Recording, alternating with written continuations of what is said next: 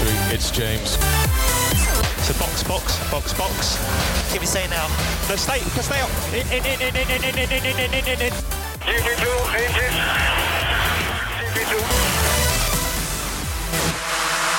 Selamlar herkese. Alt F4 Podcast'in sunduğu Padok'un 39. bölümüne hepiniz hoş geldiniz. Ee, bu sezonun ikinci Britanya Grand Prix'si 70. yıl Grand Prix'sinde sonrası. Ee, ben Hakan Bilgin, Burak Karaoğlu ile karşınızdayız. Hoş geldin Burak. Selam. Selamlar, hoş bulduk Hakan. Nasılsın? Ee, iyi abi yayını yani hepimizin üzüldüğü bir haberle açalım dedik. Ee, Emre Gönlüşen benim de hani böyle hani e, tanımadan sevdiğimiz insan olur ya öyle bir insandı. Gerek müziğiyle gerek hayatı sunmasıyla gerek o ünlü esprileri var sosyal medyada el, elbet herkesin karşısına çıkmıştır bir yerlerde. Ee, e, komik olmayan ama aslında çok komik esprileriyle, hayat enerjisiyle ikinci kere yakalandık işte kanserde işte 9 Ağustos'ta. E, yaşamını yitirdi. Buradan başsağlığı dileyelim.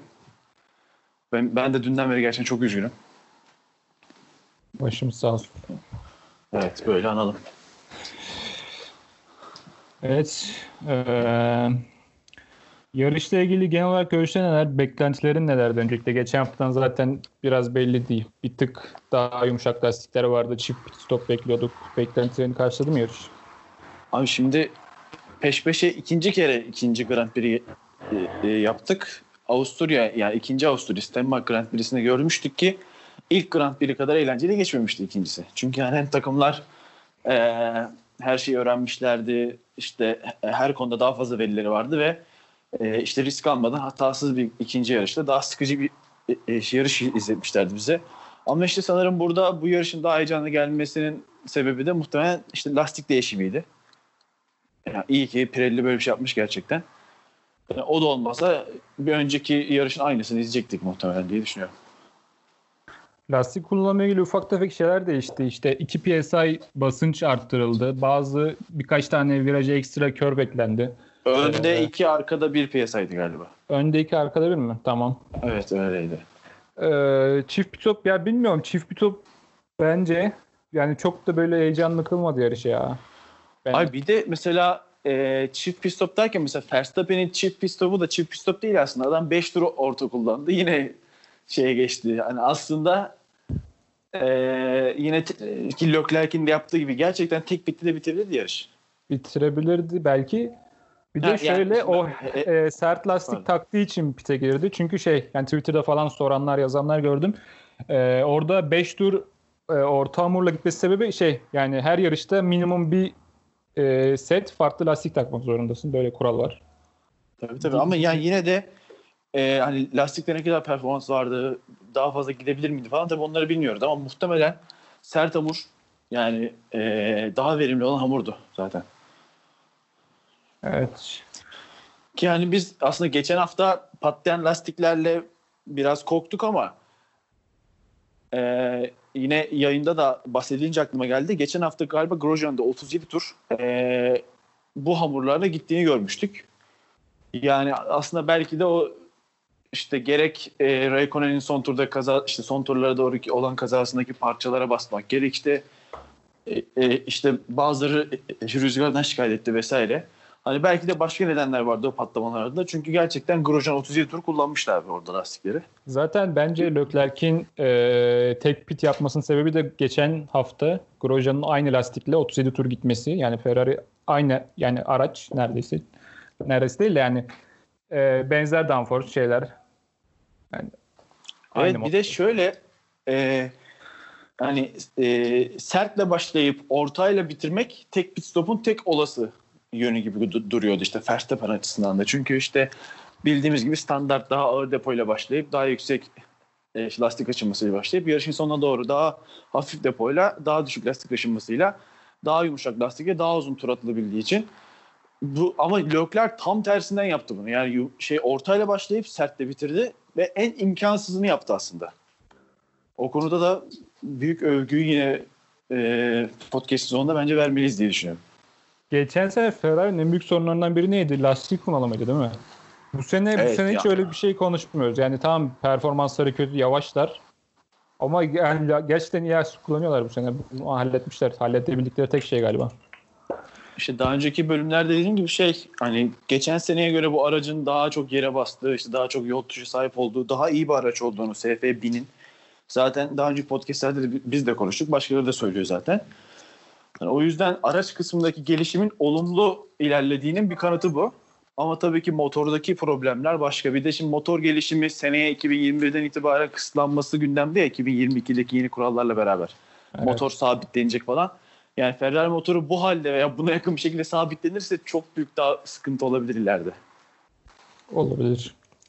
Hafta içi e, Sergio Perez'le tekrar koronavirüs testi yaptılar ikinci kez. Bu da pozitif çıktı. Haft, e, bu yapılmadan önce e, Perez'in bu yarışa e, katılabilme ihtimali vardı.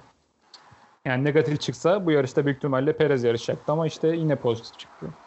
Yani negatif çıksa da bence yarışamaz diye düşünüyorum. Çünkü e, İngiltere hükümetinin özellikle aldığı bir karar zaten hem Race Point e, İngiliz işte İ- İ- İ- İngiltere merkezi olduğu için de yarış İngiltere'de olduğu için 10 günlük karantina ardından biri pozitif şey bir negatif test üstüne sanırım 3 ya da 5 gün sonra bir e, işte negatif test daha falan diye böyle kuralları varmış İngiltere hükümetinin.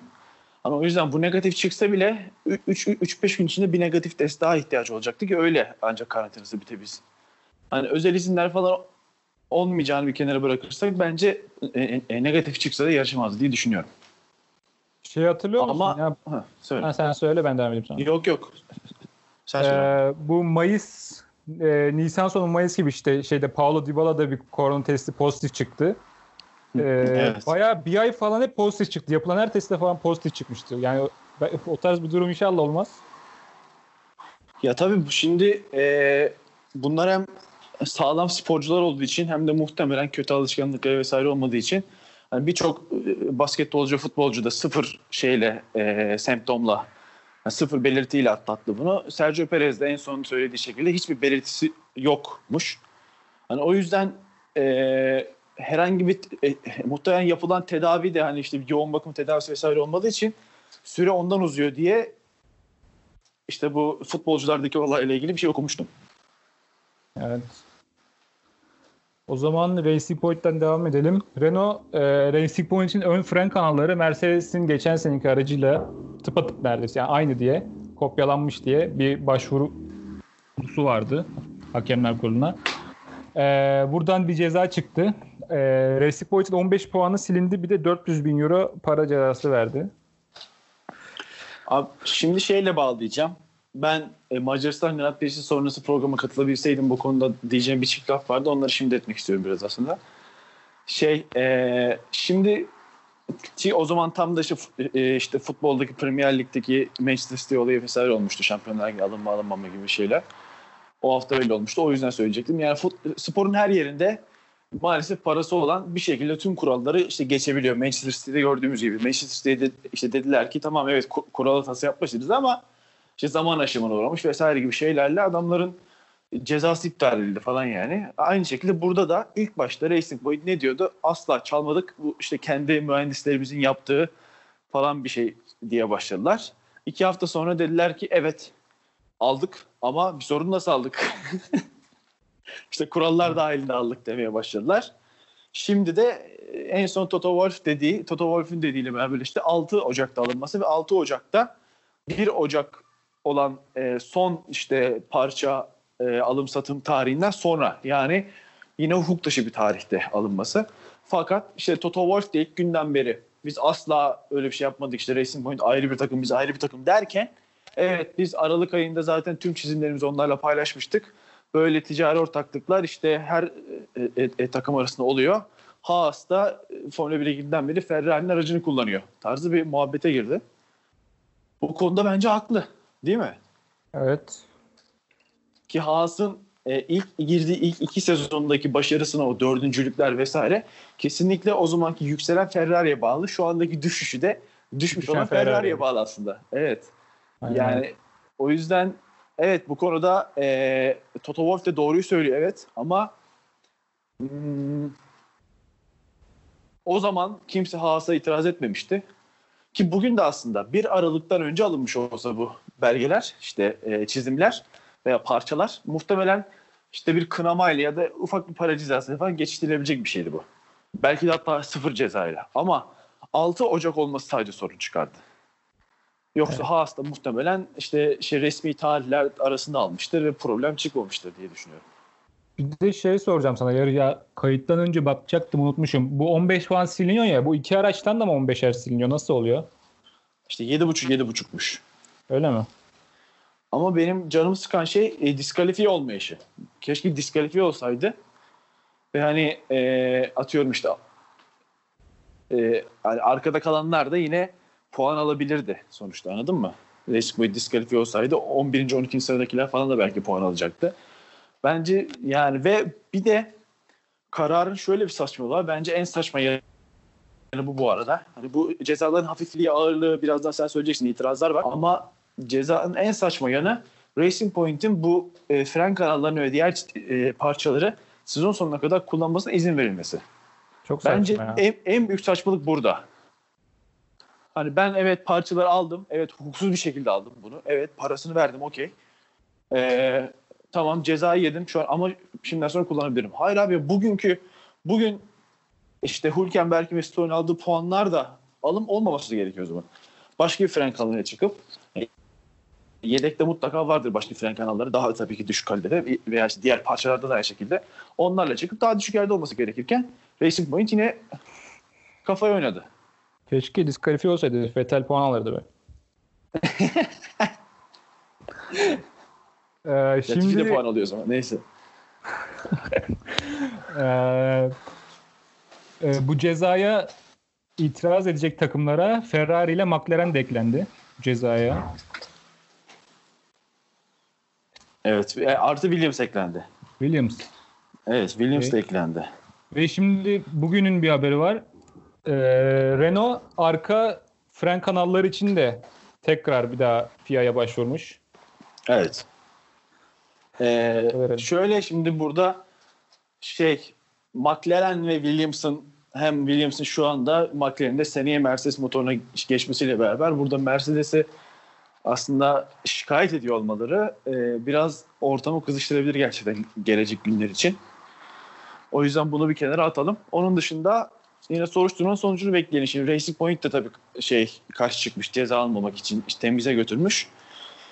Şimdi muhtemelen daha ciddi bir incelemeyle beraber sonucu göreceğiz. Aslında hepimiz biliyoruz ki kim daha çok para verirse onun dediği olacak. Ferrari mi daha çok para verecek, Renault mu daha çok para verecek, Lawrence Stroll mu daha çok para verecek mahkemeye aslında. Bütün dünyada yani ülkemizle beraber tüm dünyada artık hukuk böyle işliyor. Güçlünün hukuku var. O yüzden bakalım kim daha çok para verecek, kim haklı çıkacak diye düşünüyorum. Ee, şimdi yurt dışına yarışan böyle Türk temsilcilerimiz var. Ayhan Can Güven bu hafta sonu Porsche Super Cup'ta Silverstone'da pole'den başladığı yarışı kazandı. Evet. Ee, ben Ayhan Can Güven'in e, hak ettiği değeri görmediğini düşünüyorum ülkemizde. Yani Ben sırf böyle Heh, denk söyle. gelince böyle bazı yarışlarını izliyorum ve gerçekten zevkli yarışlar ya. Evet evet. Ya zaten e, motor sporlarındaki muhtemelen tüm seriler Formula 1'den daha eğlenceli. Ama biz niye Formula 1 izliyoruz ben de bilmiyorum. Şeyi izledim geçen hafta e, GT4'te işte Cem Bölükbaşı ile Yağız Gedik yarışıyor aynı araçta. Hı hı. E, o yarış da gerçekten çok eğlenceli. İlk defa izledim. Hafta sonu böyle boş zamanıma denk geldi. O da çok güzel, iyiydi. O geçen hafta Imola'dalardı. İkinci oldular pro amatörde. Bu hafta da ikinci olmuşlar. İtalya Süper. Misano'da. Yine podyuma çıkmışlar. Tebrik ederim. Kutlayalım. Yani e, her ne kadar tabii ki de hiçbirinin maalesef Formula 1 umudu olmasa da oralarda olmak yani özellikle Ayhan Can Güven'in yaptıkları beni çok gururlandırıyor. Ya umarım Yani Ayhan Bölük- ileride romanda görürüz. Ya Umarım hani Cem Bölükbaşı bence Ayhan Can Güven'in bir tık gerisinde. Her ne kadar sosyal medyadaki işte YouTube kanalıyla falan sanki çok daha büyük bir pilotmuş gibi e, gerek PR'la da kendini gösteriyor olsa da bence Ayhan Can çok daha iyi pilot diye düşünüyorum. Ama e, hani Ayhan Can'a umarım yani işte daha fazla milli marşımızı okutmaya devam eder de biz de daha fazla ad- adını alırız. Hak ettiği yere veririz sana. Evet. E, antrenmanlardan hafif biraz bahsedelim. İkinci antrenmanlarda e, Fetel yolda kaldı. Motor patlattı. Araçta bir sıvı sızıntısı oldu. Bundan sonra işte Ferrari'de iki tedbir olarak iki aracın da güç ünitesini değiştirdi. Maranello yolladılar incelemek için. Hı hı. Antrenmanlarda bahsedeceğim başka bir şey var ama ben notlarımda başka bir şey almamışım. Yok gerçekten antrenmanlar hani zaten dediğim gibi geçen hafta özellikle çok fazla yumuşak lastikle tur atıldığını gördüm antrenmanlarda. Bu önemliydi. Muhtemelen yumuşak lastiği yarışta hiç sıralamada da hemen hemen hiç ku- kullanacakları için antrenmanlarda onu harcamak istediler. Evet. Q1'de e, son iki zaten son 6 yarıştır belli. 6 mı 7 mi? Tam hatırlayamadım. Giovinazzi ile Raikkonen. Alfa çok kötü. Evet evet. Alfa yani zaten- zaten gördüğünüz üzere Ferrari motoru olan herkes çok kötü ama gerçekten Alfa Romeo özellikle hani hiç yani geçen yılki Williams'a çok yakınlar. Gerçekten Evet. çok yakınlar. Hani özellikle tek turda çok gerideler. Yine yarışta eee, biraz daha işte en azından birilerini geçebiliyorlar. Ama tek turda çok kötü durumda. Bütün Ferrari motorlu araçlar gibi.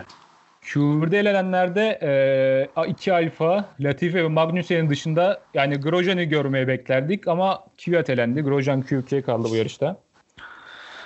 Evet. Başka da bir şey yok. Grosjean ben özellikle Magnussen'e çok gıcık oldum. Yarışta anlatacağım bir şey e, Latifi'nin üstünde kırışı vardı. Yani adam öldürür. Aa evet evet evet. yani Beş hatırlıyorsundur. Evet adam öldürür. Net adam öldürür. Yani Latifi orada böyle milisaniyelerle gecikse öldürür Latifi'yi. Öyle bir giriş. Çok insafsızca ki bunu daha önce de işte Alonso'ya vesaire yapmıştı. Bak, Aynı hareketi. Magnussen gerçekten kontrolünü kaybediyor. Yani Magnussen benim için şimdi özellikle iki sene önce Haas'ın işte biraz daha iyi olduğu zamanlardaki bu bıçkın e, delikanlı pozlarıyla ulan acaba Verstappen'imsi bir adam mı falan diye böyle içimden hani acaba daha iyi bir takımda olsa daha iyi şeyler yapar mı derken hani muhtemelen Haas'taki o buhranla beraber gerçekten saçma sapan bir yere doğru gidiyor. Grosjean gibi. Peki geçen hafta da bunu da konuşmuştuk. Grosjean'ın eee, inanılmaz böyle agresif şey savunmaları vardı böyle frenlerken yön falan değiştiriyor hatta kırmızı ya kırmızı diyorum siyah beyaz bayrak uyarı uyarı Evet. almıştı. Bu hafta da Magnussen böyle agresif sürmeleri acaba takım mı böyle bir şey yapıyor bilmiyorum. Yani bence şimdi şöyle altındaki araç aracın e, yetersizlikleri böyle insanı bazen sinirlendirir. Pilotları da çok fazla sinirlendirir işte yani birçok istediğini yapamayan pilotta sinir harbi görüyoruz işte. Ferrari'nin diğer o daha işte kötü süren işte pilotu şimdi adını anmayacağım. Ee, o arkadaşla gördüğümüz gibi hani insan altındaki araç istediğini yapmayınca gerçekten sinirleniyor. O yüzden hani öyle bir sinir olabilir. Çünkü gerçekten Haas aracı çok kötü durumda. Yani Grosjean'da Magnussen'de hani mesela Alfa Romeo'daki Giovinazzi Raikkonen ikilisini düşünürsen hani ikisinin de çok umurunda değil gibi yarışmak. Yani Giovinazzi zaten işte yetenekleri kısıtlı bir adam. Raikkonen de zaten kafasında bitirmiş bir adam yarışmayı şu an. Hani onlara aracın kötü iyi olması çok umurlarında değil. Sürüyorlar işte dolanıyorlar ama hani Magnussen de Evet. Grosjean daha bir bir şeyler yapmak isteyen adamlar bunlar. Yani kendilerini kanıtlamak isteyen adamlar ve Formula 1'deki geleceklerini belki de işte bu yarışlar belirleyecek. İkisinin de kontratı işte birer yıl, ikişer yıl uzuyor sürekli. Ve ikisinin de muhtemelen Haas'tan başka hiçbir takım kapıdan sokmaz. O yüzden daha agresif olmaları bir- birçok nedene bağlı olabilir yani. Evet. Eee, Q2'de Russell, Grosjean, Sainz, Vettel ve Ocon elendi. Sürpriz bir Sainz o da şey demiş. Maksimum hızın az olması sebebiyle elendim diye bir açıklaması var. McLaren kötüydü ya bu hafta sonu. McLaren yani e, e, Norris'te 10'unculukla yani. Son sıradan kaldı. Q1'e. Evet. McLaren gerçekten bu hafta kötüydü. Onun dışında zaten Ferrari'nin diğer pilotu standartlaştığı üzere Q2'de elendi. Albon yine. Albon. Albon 9. Şey soracağım Evet. peki sana. Albon yani eee, sezonun başından beri sıralamalarda iyi değil. Yani kötü. Evet. Ama yarışta bir şekilde böyle tırmanmayı 5.liğe, 6.liğe kadar, 7.liğe kadar o oralara kadar tırmanmayı biliyor. Hı. Sence bunun sebebi ne? Abi, yani temelde e, yani birinci temeli şu Red Bull aracı kesinlikle yarış temposunda çok daha iyi. Yani bugün de Ki gördük ki Verstappen'de işte, de gördük. evet yani dün işte Mercedes'ten bir saniye ve üzeri fark işte yerken bugün e, kafa kafaya yarışıp hatta bence ezici bir üstünlükte böyle yani vurarak kırarak geçebiliyor. Hani kesinlikle her yerde, her zaman, her pistte yarıştaki e, setup'ı sıralamadan zaten daha iyi. O yüzden hani birçok kere yıllardır da Red Bull'u işte e, e, Ricardo varken de böyle gerilerden başlayıp işte sürekli yükselirken çok gördük Red Bull aracını. Ya bu Red Bull'un yıllardır e, süre gelen e, dizayn felsefesiyle alakalı. Artı yani bu işte bu e, e, Senna'dan da falan da bahsederken hani sıralamalardaki muhteşem sürüşünden ve gerçek pilotların sıralama pilotları olduğuna falan bahsederiz. Gerçekten bir pilot hani yani ruhu yarıştıysa gerçekten yarışma için doğduysa abi sıralamada çok daha iyi olur. Ki yani işte birçok insanda gördüğümüz gibi işte yani birçok bu genç şu anda hırçın olan daha önceki yıllarda şampiyonşip isim verip ötekileştirmek istemiyorum. Çünkü yine Ferrari'nin diğer pilotunun ismini sayıp saymamamdan dolayı kavga çıkabilir. Ama hani çok fazla görüyoruz ki sıralamada belli olur gerçek pilot. Albon'da sanırım o seviyede bir pilot olmamaya doğru gidiyor diye düşünüyorum ben. Sen ne düşünüyorsun? Evet katılıyorum sana. Yani ve Albon. e, Gazi'de Gazi'nin performansı da şu, şu zamanlar çok iyi. E, Gazli'nin performansı evet hem Albon'u geçişi hem de Kiat'ı çok net mağlup edişi. Kiat'ı geçiyor ve e, ya seneye yani tekrar Gazli olur mu acaba Red Bull'da olur mu olmaz mı? Benim kafamda çok acayip plan var aslında da seneye.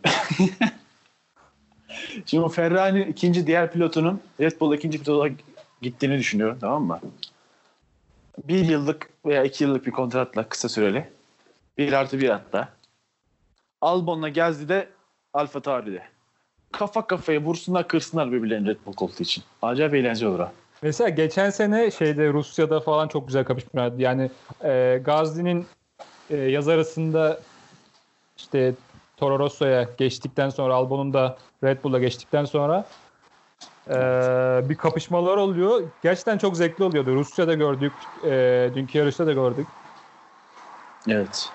Yani şey e, böyle şimdi bazı pilotlar vardır. Hani şimdi bir, mesela 25 yaş üzeri ve 25 yaş altı pilotlar olarak şöyle bir ikiye ayırırsak aslında gridi. Hani 25 yaş üzeri pilotların artık et mi tavuk mu olduğunu biliyoruz değil mi? İşte Hamilton artık bir şampiyon. Bottas bir memur. Artık bu değişmez yani. İki kere şampiyon bile olsa Bottas'ı memur diye hatırlayacağız muhtemelen. Hani işte herkesin yeri belli ama mesela 25 yaş altı pilotlarda da böyle bir işte potansiyel. Hani şunun gibi olur, bunun gibi olur potansiyeli söylüyoruz abi. Şimdi Leclerc'de, Verstappen'de, işte Norris'te bir Hamilton ışığı falan mesela görebiliyorken hani Albon'da, Gasly'de en fazla ben Hülkenberg falan ışığı görüyorum anladın mı? Gerçekten bunu görebiliyorum. O yüzden onların da yeri orası mı yoksa daha yukarısı mı bu, bunu gösterecekler birkaç yıl içinde. Evet. Hamilton Bottas demişken ben yarıştaki olaylardan önce biraz da Mercedes'ten konuşmak istiyorum. Mercedes Evet. ee, aslında sezonunun başından bugünkü yarışa kadar yani neredeyse böyle mükemmel bir Mercedes izledik yani hatasız şeysiz. Ama aslında e, bu 70. yıl Grand Prix'sinde Mercedes'in de zaaflarının olduğunu gördük. Mercedes pazar gününün artık o kadar sıcak olmayacağını mı olacağını mı düşünemedi? Lastik kullanamadılar. Abi şimdi Mercedes'in yani 4-5 yıldır en büyük problemi soğutma sorunlarıydı ve sıcak havaydı. Hani ilk e, işte bu e, hibrit motor çağının ilk 3-4 yılında e, motoru e, işte yüksek rakımlarda işte Meksika'da, Avusturya falan yüksek rakımlarda ve işte yüksek sıcaklıklarda motoru soğutamayıp motoru tam güç kullanamayıp başarısız oldular. E, özellikle son 2 yıldır da e, çok sıcak havalarda e, lastiklerle ilgili başları belaya giriyor. Yani tabii ki her aracın bir kusuru var ama yani bu kusur her zaman ortaya çıkacak bir şey olmadığı için ben yine hani işte geri kalan kaç yarış kaldı? 7 mi? 8 mi yarış? Şu anda sanırım 7 vardı en son. Ya bir 7 yarışın 6'sını mesela kazanabilecek sanırım. potansiyeli görüyor. 9 mu oldu en son? Evet. Tamam işte 9 olduysa da 8'ini falan yine Mercedes kazanır diye düşünüyorum ama tabii ki de bu kusurlar olmadan da gelmiyor bence. Şey çok garipti ya. Şimdi e, Mercedesler ilk pitlere girdiler. Bir iki tur arayla birlikte. E, ondan sonra yeni lastikleri taktılar. Sert lastik taktılar. Ve 5-10 tur sonra lastik mastik kalmadı. Ki bu sırada da Verstappen ilk stintini zaten çok bir yorum yapmaya gerek yok. İnanılmaz. Abi Bak hayatımda yani yine böyle işte Senna'nın, Schumacher'in efsane turları böyle efsane yarışları falan hatırlanır ya. Yani eğer Max Verstappen böyle bir 3-5 şampiyonluk alıp işte en çok şampiyon olan bazı pilotlar arasına falan girecekse yıllar sonra bence işte bir geçen seneki Avusturya'yı bir de bu seneki bu 70. yıl Grand Prix'sini mutlaka hatırlayacağız diye düşünüyorum. İnsanüstü bir iş yaptı adam. Yani 2006 gerçekten insanüstü bir iş. var. Ha evet 2016 Brezilya var 16 kesinlikle. 16. Evet 16 diye yanlış hatırlamıyorsam. Yani inanılmaz bazı böyle zaten bunu düzenli yapsa başka bir boyuta geçecek. Ama tabii ki burada araçla uyumda aracın da izin vermesi falan da çok önemli kesinlikle. Yani insanüstü bir şey yaptı. O ilk sprint. Ondan sonrakiler yine e, normal insan gibi kullandı. Ama ilk sprintte yani neredeyse e, çok az bir e, lastik aşınmasıyla ve hani şey bir de dediğim gibi Mercedesler pite girdi çıktı ya Hı hı. bir 2-3 tur e, e, en hızlı tur atıp durdular. Baya böyle 1 saniye 1,5 saniye aldılar Evet, evet, evet. Verstappen'den. Ondan sonra Verstappen aynı farkı tekrar tekrar 1 saniye 1 saniye 1 saniye arttırmaya başladı. Yani yaklaşık 13 saniye falan inmişti Mercedeslerle farkı. O e, Mercedes pitleri sonrasında. O, onu tekrar 19 saniye yapıp pite girdi adam. 13 ben sanki 11 falan diye hatırlıyorum. 13 de olabilir ya neyse. Ya ben 13 hatırlıyorum. 11 yani zaten bir turda atmış olsa 11'e inerdi yani orada. Bir saniye Hı hı. iki saniye alıyorlardı. Tam olabilir. Ama ben 13 gördüm. Pite girerken 19'du. Tam 19 iken pite girdi ve çıktığında hemen Bottas'ın hemen arkasına çıktı zaten. Hani adam çok o ilk sprintte kaç tur attı ilk sprintte abi? Bakalım bakalım. Yani imkansız bir şey yaptı adam. Gerçekten Ee, imkansız bir şey 29 yaptı. yani 0 set değil bu. Herhalde 27 tur falan atmıştır. Aynen şeyde bir tur atılmış zaten o. Ee, işte iki tur e, sıralamada atılıyor aynen. Aynen. Gerçekten işte imkansıza çok yakın bir şey yaptı orada Verstappen. O yüzden yarışı kazandıran anahtar orada oldu yani. Yoksa bir de şey var tabii. Ee, yarışın başında işte Red Bull takım takım şey derken buna işte araya aç, işte lastikleri aşındıracaksın, bu kadar yakından takip etmene gerek yok derken ee, Max'ın ben işte, işte babaannem gibi arkadan izleyemem. Onları yenmenin tek yolu arkalarında olmak deyişi. Böyle tüylerim diken diken oldu biliyor musun an? Dedim. Allah'ım bir şey geliyor.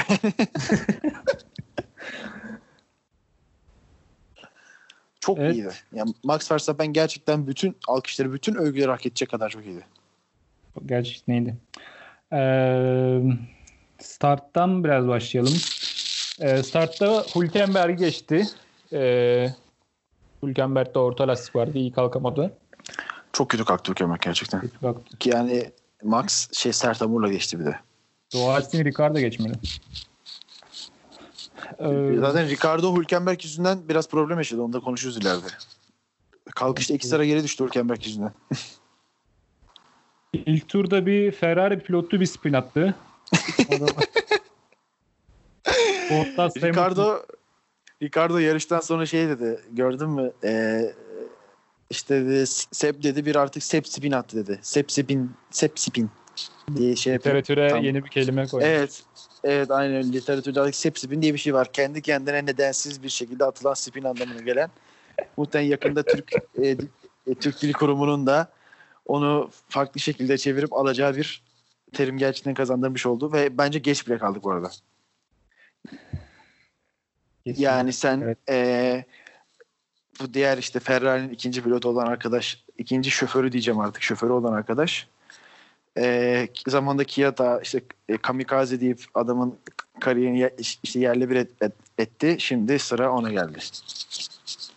Şey hatırlıyor musun ya o, o kelime aslında literatüre 2017 Japonya'da girebilirdi. Ee, bir hangi viraj olduğunu tam hatırlamıyorum da Verstappen'le bir kamikaze dalış yapmıştı, spin atmıştı. Bütün yarış mahvolmuştu. Evet evet evet evet. Diyorum ya, e, e, e, geç bile kalındı zaten. Kesinlikle geç bile kalındı. Orta lastikle başlayan e, Albon, Gazli, başka kim var hatırlayamadım. Şey yani erken 7. turda, 8. turda pite girenlerden bahsediyorum. Bana erken girdiler gibi geldi. Lastiklerine ben pek bir kabarcıklanma da göremedim. Yani stratejileri ne göredir belki de. Ama şimdi herkesin amacı bir an önce e, orta lastikten kurtulmaktı aslında. Yani bir an önce şu lastiği bir kullanalım da hani işte dediğim gibi kuralı bir yerine getirelim de sertlerle yolumuza devam edelim diye kurtularak böyle bıraktılar. O yüzden evet erkendi bence de erkendi ki zaten ee, özellikle Gazi mesela problem yaşadı. Gazi de yine Mercedes pilotları gibi pite girdi sert taktı sonra 10 tur sonra tekrar pite geldi falan öyle bir şeyler oldu. Ki Gazi'nin çok güzel giden yarışı e, e, hak ettiğinden daha kötü yerde bitti. Biraz erkendi gerçekten.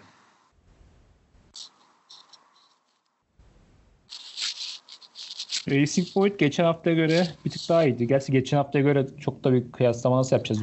Hülkenberg yarışamadı. Biz Stroll'ü belki kıyaslarız. Ama ya Stroll çok kötü değil miydi geçen hafta? Yani geçire geçire bir hal oldu adam. Sanırım ya 9 ya 10. sırada bitirmişti. Yanlış hatırlamıyorsam.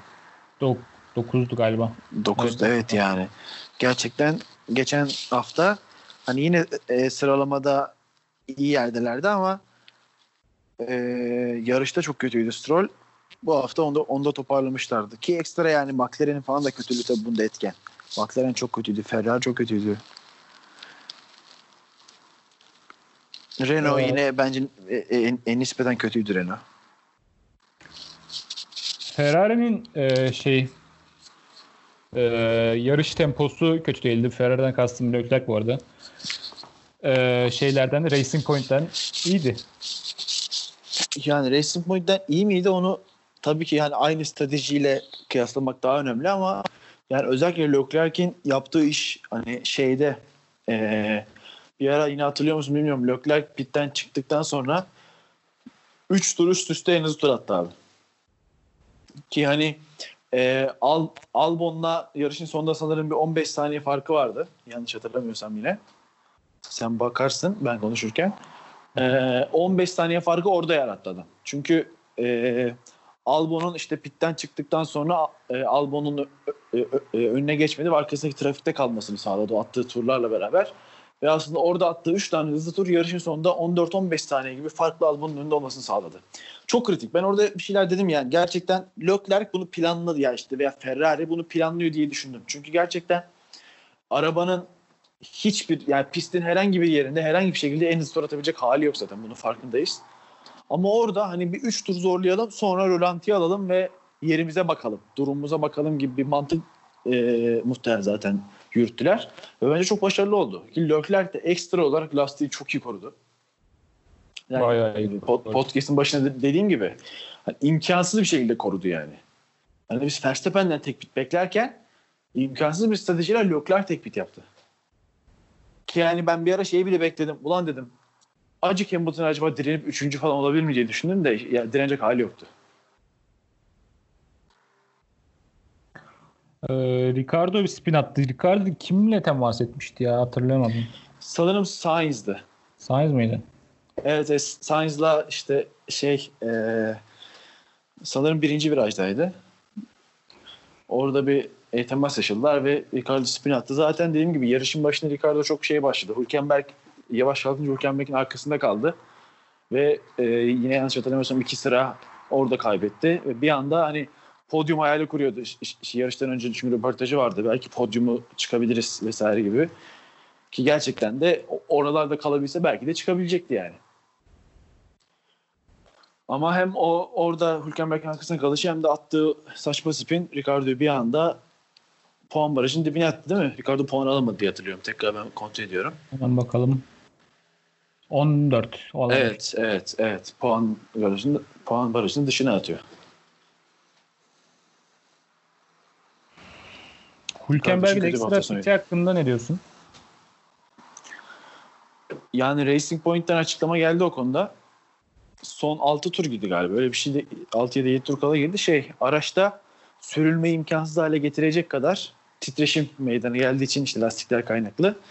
Yani yarışı bitirebilmek için pite girmeleri gerekmiş. Diye bir açıklama Racing Point yaptı. Bassız ve de bir yine bir podyum göremedi. Podyum alabileceği bir yerse. Gerçi Hülkenberg'in podyum alabilmesi için ilk üçte yani Bottas, e, Hamilton ve Verstappen'den tabii, tabii. birinin bir yarış dışı kalması gerekiyordu. İmkansız yani diğer türlü yarış temposu. Hocam yani şeyde de mesela hani e, bence hani sanmıyorum ki Leclerc'i de geçebilsin mesela anladın mı? Her şey iyi gitse. Yani belki Albon'un önünde yer alabilirdi evet. Ama hani sanmıyorum ki Leclerc'i geçsin. Leclerc çünkü çok şeydi yani. Ee, yani adam öndeki Bottas'la 10 saniyeyle bitirdi yani. İnanılmaz bir strateji bence. Ya baktığın zaman Sebastian Vettel kaç saniye yemiş? 1 dakika, 1 dakikaya yakın. Evet tam 1 dakika yemişken Charles Leclerc 10 saniye. Bence çok çok ciddi bir fark. Yani Leclerc aracın çok ötesine geçtiği için Leclerc'i yani sanmıyorum ki Stroll ya da Hülkenberg'in işler, işler önünde bile gitse geçebileceğini sanmıyorum yani. O yüzden en ihtimali olacağı beşincilikti. Yani adam da işte yarışı bitirmek için yedinci oldu. Çok mantıksız değil. Ki bence hani ee, şöyle düşünelim. Gelecek sene ki bir koltuk için bence yeterince iyi iş yaptığını düşünüyorum. Hani Racing Point aracının işte olduğu yerde bitirdi yarışı. Ki bu da çok önemli yani. Birçok pilotta görüyoruz. Aracın potansiyelini bile yerine getiremeyen bir sürü pilot var. Yani aracın potansiyeli buna izin veriyor. Adam bunu yaptı hani. Bence gayet yeterli. Tek turdaki performansı inanılmazdı. İnanılmaz. Yani akıl dışı bir tur attı orada. O da inanmamıştır ha o tur attığına. Ben nasıl Bildiğim böyle Formula 1'siz geçen ayların öyle podyumsuz geçen yüz küsür yarışın böyle acısını orada çıkarttı yani. Peki Magnussen'in yarıştan çekilme nedenini duydun mu? Hayır. Lastik kalmamış abi. Şaka. Gerçekten mi? Vallahi. Vallahi. Garajda Açıklama lastik kalmamış öyle mi? Evet, Güttenstein açıklama yaptı. Bütün lastikleri bitirmişler. Ben de sana bir açıklama yapmazdım yani. Ve utanç verici değil mi? Kendilerini rezil etmişler yani. Abi gerçekten adam şey bir de yani. E, kaç? Son 10 tur bırakmış. Evet 43'te bırakmış.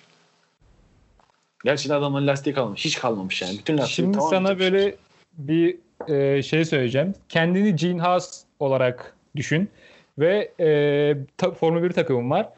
Takım patronun böyle bir açıklama yapıyor. Ne düşünüyorsun? Ya ben zaten şahsen hani e, Güttensteiner'in iyi bir yönetici olup olmayışı bile bence çok şüpheli. Hani o işte Ferrari'nin e, Toto Wolff'un deyimiyle Ferrari'nin bir önceki yılki aldıkları araçla yaşadıkları dördüncülükten biraz gazlandı Steiner ama bence zaten Steiner problemli yani. Geldiği günden beri pilotlar arasında kavga bitmiyor. Aracın problemi bitmiyor. Yani ve işte bir ara sürekli lastikte kamıyorlardı. Pitteki problem. Yani sürekli ciddi ciddi problemler yaşayıp duruyor. Haas ve bir türlü buna uzun süreler çözüm bulamıyorlar. Çok iyi bir e, yöneticilik değilmiş gibi geliyor bana. Yani o yüzden benim ilk işim zaten Gürtensteiner'le en baştan beri veya işte son bu son 3 yıldır olanlardan sonra yarışmamak olurdu. Ondan da önce ama Ferrari'nin ortakta bitirdim ben. Çok net. Yani şu an e, e, e, Renault ile bile bir ortaklık yapsa daha iyi durumda olabilir Asya. Kendi sorduğum soruya cevap vereyim. Ee, şimdi abi. hadi Aynen, e, senin dediklerini hadi bir kenara bıraksak hadi bu bu yarışa kadar da birlikte takım patronu hala Steiner olsa Hı hı. ben bu olaydan sonra direkt kovardım. Tabii ki.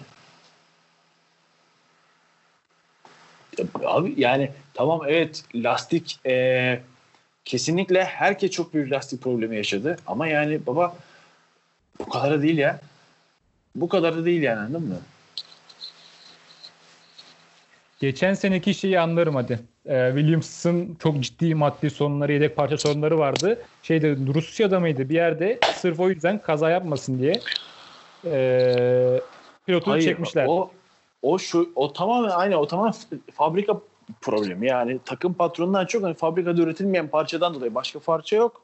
Yani adamlar orada o ön kanatta kaybederlerse haftaya yarışamayacaklardı yani fabrikadan dolayı. Ama bu direkt sana lastik pireli veriyor. Sen bunu düzgün yönetemiyorsun. Ki sen zaten, zaten takımı yönetemiyorsun. da pilotları yönetemiyorsun. Ya bu yani sırf şey ya yani Netflix Güttenstein'lerin olması için Haas'a el altından para falan veriyor olabilir. Çünkü gerçekten hiçbir açıklaması yok Güttenstein'in orada kalmasının. Olabilir.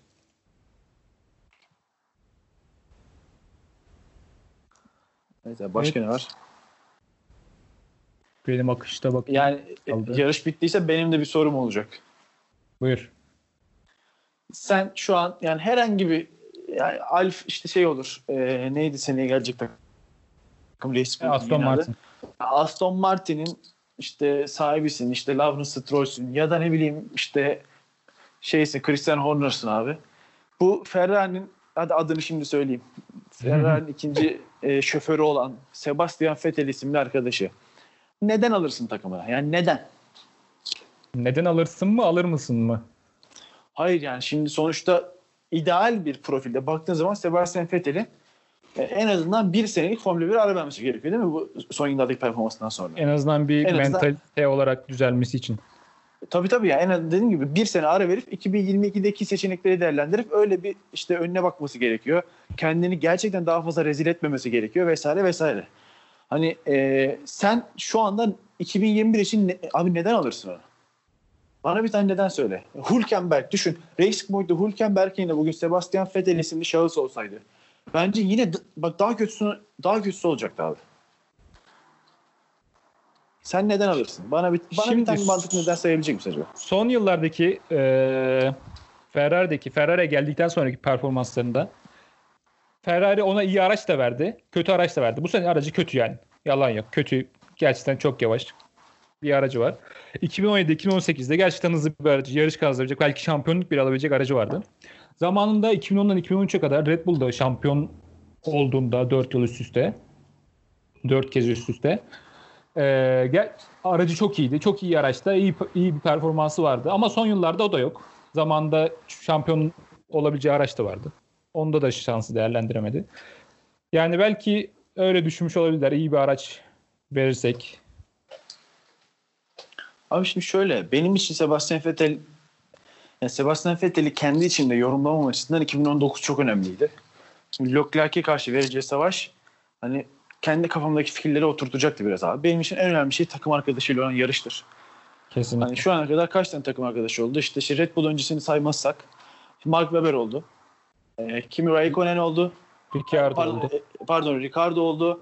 Kimi Raikkonen oldu. Charles Leclerc oldu. Bunların arasında zaten hani işte yarışmayla çok arası olmayan Kimi Raikkonen ve işte potansiyeli çok kısıtlı olan Mark Webber'i çok rahat bir şekilde ki işte Webber'e de bir kere zorlandı. Sanırım e, Raikkonen'e de bir kere geçildi ama Raikkonen'i e, totalle şey kuma gömdü. Webber'i de totalle kuma gömdü. Yine ilk senesinde zorlamasına rağmen. Ondan sonra karşısına gerçekten iki tane iyi pilot geldiğinde yani ki çok gençken geldi. Leclerc de çok tecrübesizken geldi. Ricardo da çok tecrübesizken geldi. Büyük takımdaki ilk yıllarında gelip ikisi de Fethel'i mağlup etmeyi başardı. Bu çok 2014'ten hazin bir bahsediyorsun değil mi Ricardo ile ilgili? Evet 14'ten ve işte 2019'dan bahsediyorum Leclerc. Yani geldikleri sezon yenmeyi başardılar. Çok tecrübesizken, çok yeniyken. Sanırım Ricardo'nun da ya Ricardo'nun 3. senesiydi. 3. senesine başlıyordu. Leclerc de 2. senesine başlıyordu Formula 1'deki. Evet. Gelip yendiler abi. Hani bu çok önemli bir referans bence. Çünkü kesinlikle hani iyi araç varken yani mesela şu anda şeyden diyoruz ya hani e, Mercedes'te Hamilton'a bir şey olsa işte Hamilton koronavirüs olsa tamam mı? İşte bir ay yarışamasa atıyorum e, Esteban Ocon'u falan koysalar ikinci pilot olarak mesela Bottas şampiyon olacak değil mi muhtemelen? Evet. Bottas alacak götürecek yani hani hani Bottas'ı da koysa en iyi araca e, yanındaki pilot da Hamilton gibi hani şey gibi bir Max Verstappen gibi Leclerc gibi Ricardo gibi e, yarışmacı bir adam değilken şampiyon oluyor abi. Ama hani sıkıntılı bir araç. Ya sıkıntının ne olduğundan bağımsız söylüyorum bu arada. Kesinlikle Ferrari aracı yani Ferrari'deki ilk yıllarında da çok kötüydü. Red Bull'daki son yılında 2014'te de Red Bull aracı çok kötü durumdaydı. Kesinlikle katılıyorum. Şu anda da Ferrari çok kötü durumda. Ama ta- e, takım arkadaşları her zaman kötü araçta da e, Vettel'den daha iyi verim almayı başardılar abi. Vettel'den daha iyi bir şekilde sürüşlerine adapte etmeyi başardılar. Vettel o aracı Vettel'den daha iyi sürmeyi başarıyor sonuçta birileri anladın mı? Leclerc'in dördüncü olduktan sonra işte e, finişi geçtikten sonra sales konuşmasını dinledin mi? Yani nasıl sevindiğini. Evet. Mesela adam bunu geçen yapıyor. sene de geçen sene dördüncü, beşinci olsa yani yüzünden düşen bin parça hiçbir şey hissetmez. Ama yani Tabii. araçta o, araç o kadar kötü ki e, hatta açıklaması da var sonra dördüncülük galibiyetle aynı biz aynı bizim için dedi. Kesinlikle. Ya Sebastian Vettel'in bir tersi konuşması var. Batırdığınızı biliyorsunuz farkındasınız değil mi diye bir noktaya söylüyor. Evet evet Lan oğlum suçluyor. 10 tur, 10 tur önce senin attığın spin farkında mısın acaba? Yani zihinsel bir problem falan var arkadaşın. Yani 10 tur önce attı ben ben öyle bir spin atsam abi araç çok kötü bak tamam bak ben yani kişilik olarak idare eder bir adam olduğumu düşünüyorum tamam mı? Hani çok ne harika muhteşem bir adam ne de kötü bir insanımdır ama idare eder bir adamımdır. 10 tur önce o spini attıktan sonra ben ağzımı açmam. Açamam lan utanırım lan ağzımı açmaya. Batırdığınız falan sen bak tamam Ferrari gerçekten çok kötü durumda. Hiç itirazım yok. Gerçekten kötü durumda. Bunu değil mi ak- akıl sağlığı olan hiçbir insan inkar edemez herhalde. Kimse Ferrari çok iyi diyemez abi. Ama sen çok çok daha kötüsün be Sep. Çok kötüsün ya. Ve yani utanmadan, sıkılmadan batırdığınızı farkındasınız değil mi diyor. Evet Ferrari batırdı ama sen sen de batırdın. Ki muhtemelen Ferrari'nin şu anda batırıyor olma sebebi de sensin. Senin zamanında batırdıkların yüzünden Ferrari burada. Belki Ferrari o, o- işte 17-18'de bir, e, bir şampiyonluk alabiliyorsa şu an belki başka yerde olacaktı. O yüzden kimse bana hikaye anlatmasın abi. Sebastian Vettel'i alan adam da aklına şüphe ederim. Yani Vettel'in eğer Formula 1'de devam edecekse bence en az bir sene ara verme ihtiyacı var diye düşünüyorum. Ki yaşı da hala 32 ya da 33. Bence bir sene ara verip 2022'de belki kafası toplamış halde geri dönmesi ya da ben emekli oldum artık demesi Vettel için de daha iyi olacak yani. Sebastian Vettel 4 kere şampiyon olmuş adam. 5 yıldır adamın pilotluğunun altından gelip üstten çıkıyoruz yani. İnsan kendini bu kadar rezil edemez. Evet. Ki umarım hani umarım eee, böyle işte Verstappen gibi bir adamın falan yanına gider de daha kötü olur durumu. Yoksa hani Racing Point'e gidip Stroll'le yarışırsa muhtemelen Stroll geçecektir diye düşünüyorum. Yani he- bir zahmet herhalde. Ki Stroll de fena değil ha.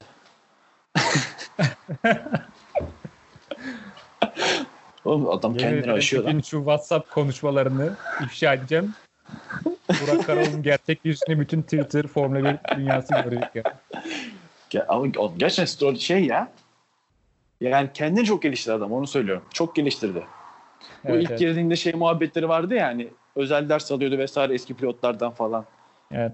Ger- Gerçekten adam kendini geliştiriyor. Yani tabii ki de babasının parasında çok büyük payı var. Tabii ki muhtemelen evine bu Racing Point'in aynı aracını kurdurup da evin içindeki küçük pistinde turda atıyor olabilir. Yani her şey olabilir. Bu arada bu arada e, şu- söyle bir şey söyle ben başka bir şey. Yok yok sen. Gir abi sen. Ee, şu Golü an yapacak. F1 Fantezi'ye şu an girdim bu hafta için. Tahmin et haftanın üçüncüsü kim? Sen. Ve tahmin et Hamilton'a Mega Driver'ı kim verdi? 162 puan. 162 puan. Allah bereket versin. Ne olsun. Ben ilk onda olmazsam şerefsizin tarzı açıklamalarda bulunmuştum. Bakayım ben neredeyim. Dokuzuncuysun bu arada. Hadi be. Oğlum Yemin bak ben bu işi biliyorum. Sen de verdin değil mi? Sen de 162 puan almışsın. Ben neredeyim lan? Bulamıyorum şu an kendimi. Paddock Burak. Ha, ben yine şeye bakıyorum. E, overall'a bakıyorum da. Evet. Oha Batuhan da 8. Batuhan 6. yılda var. O da vermiş. Oğlum biz, biz bittik. Bak bir şey diyeyim mi? hediye, he- hediye bize gelecek. Peki şey, bu e, Mega Driver hani bir tane vardı onu harcadım ben şu an yok. Ben onu al, satın alabiliyor muyum? Nasıl geliyor? Aa, şu Turbo Driver gibi bir şey değil mi o? Sanki Onu bir araştıralım yine. onu bir araştıralım. Bu arada Batu demişken Batu nerede abi? Batu yok. Batu şu an Ege sahillerinde deniz kenarında soğuk içeceğini bulunuyor. Biz de burada 45 derecede bölüm çekiyoruz. Vallahi. Gerçekten, Gerçekten evet. ya. Ben de ben de doğum gününde bölüm çekiyorum şu an.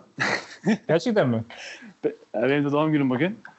Allah Batu tatili. Aslında e, ben de izin kullanıp katılmayabilirdim. Batu valla Sen tek başına yapardın. haftaya, haftaya da yok. Haftaya bakarsın ben de olmam. Yani Hakan'cığım hayat. E be. Programı senin üzerine yapalım mı? Direkt. Ya yazıklar olsun. Ben kepenkleri indirteyim ben. Ne yapayım yani? Ya bilimiz oldu. Nerede olsak olalım katılırız ya. Batuhan biraz işin bahanesiyle katılmadı tabii. Tatilde bile olsa telefonu çekiyor sonuçta arkadaşın. Değil mi? Yazıklar olsun ya. Ben de geçen hafta tatildeydim. Ben vardım değil mi? O- Aynen geçen hafta vardım. Ben de tatildeydim vardım oğlum. yani bahane üretmeyelim. Tatilde de olsan iki dakika eve girip kayda katılmak mümkün tabii. Evet Batu'da Güzel bölüm oldu. güzel bölüm da söyledik. oldu Ben. Gelmeyin arkasından söylüyoruz. Ne güzel. Peki. Sen hep olduğun için senin hakkında söylemiyoruz. Evet. Haftaya da ben gideyim bari. Oğlum bu haftaya insan yok zaten. Ondan sonraki hafta git tamam. Peki kaç dakika olmuş kayıt? Şu an 49-50 dakika olmuş. Peki 50 dakika tamamını dinleyip dinleyen takipçilerimize bir yemek sepeti kodu vermen yok mu? Evet. Boss. Geçen hafta gelen mesajlar oldu. Bu bölümde açıklayacağımı söylemiştim de işte dediğim gibi doğum günüm mesela yoğundum. Ee, bakamadım. Ama şey yapacağım. Yani böyle bir bu bölümde de geçerli. Bu bölümü tamamen sonuna kadar buraya kadar dinleyenlere bir işte yemek sepeti kuponu ya da benzeri bir şey vereceğiz kesinlikle. Bakalım açıklayacağım yani. Söz veriyorum açıklayacağım. Tamam benim tembelliğimden dolayı bakamadığım mesajlardan dolayı açıklayamıyorum. Kusura bakmasınlar. İşte be gerçek patron. Yazsınlar. Pa- Pado yazan oldu mu? Bana yazan oldu da. Pado'a yazan olmadı bakayım tekrar. Olmadı mı? Bana Yok, oldu olmadı. yani. Pa- Padok hesabını ya da benim BLK KRG'li Twitter hesabıma yazanlara vereceğiz abi kuponu. Eklemek Sen istediğin- gerçi o- oraya şey yazan neden oluyor söylemiyorum bile yani. Millet e, bir şeyler yazıyor. Ya ama ben onu unutmuşum mesaj ya. atıyor. Bir hafta sonra da konuştuk onu. Neyse abi ekleyeceğim bir şey yok. Çok eğlenceli yarıştık. Güzel de eğlenceli de program oldu. Umarım hafta İs- İspanya'da da eğlenceli bir şey olmayacağını düşünürsek umarım programı eğlenceli hale getirebiliriz hep beraber. Evet evet. O zaman dinlediğiniz için çok teşekkür ederiz. Evet. Geçen teşekkürler. Sorularınız, görüşleriniz, eleş, e, eleştirileriniz her şeyi Padok Podcast'te ya da bizim e, kişisel e, Twitter adreslerimize gönderebilirsiniz. F1 haberleri de gönderebilirsiniz. Evet onun dışında zaten F- özellikle F1 haberler üzerinden hani böyle postların altına yazılan şeylere falan ben hani yardımcı olmaya, açıklamaya, bir şeyler söylemeye çalışıyorum.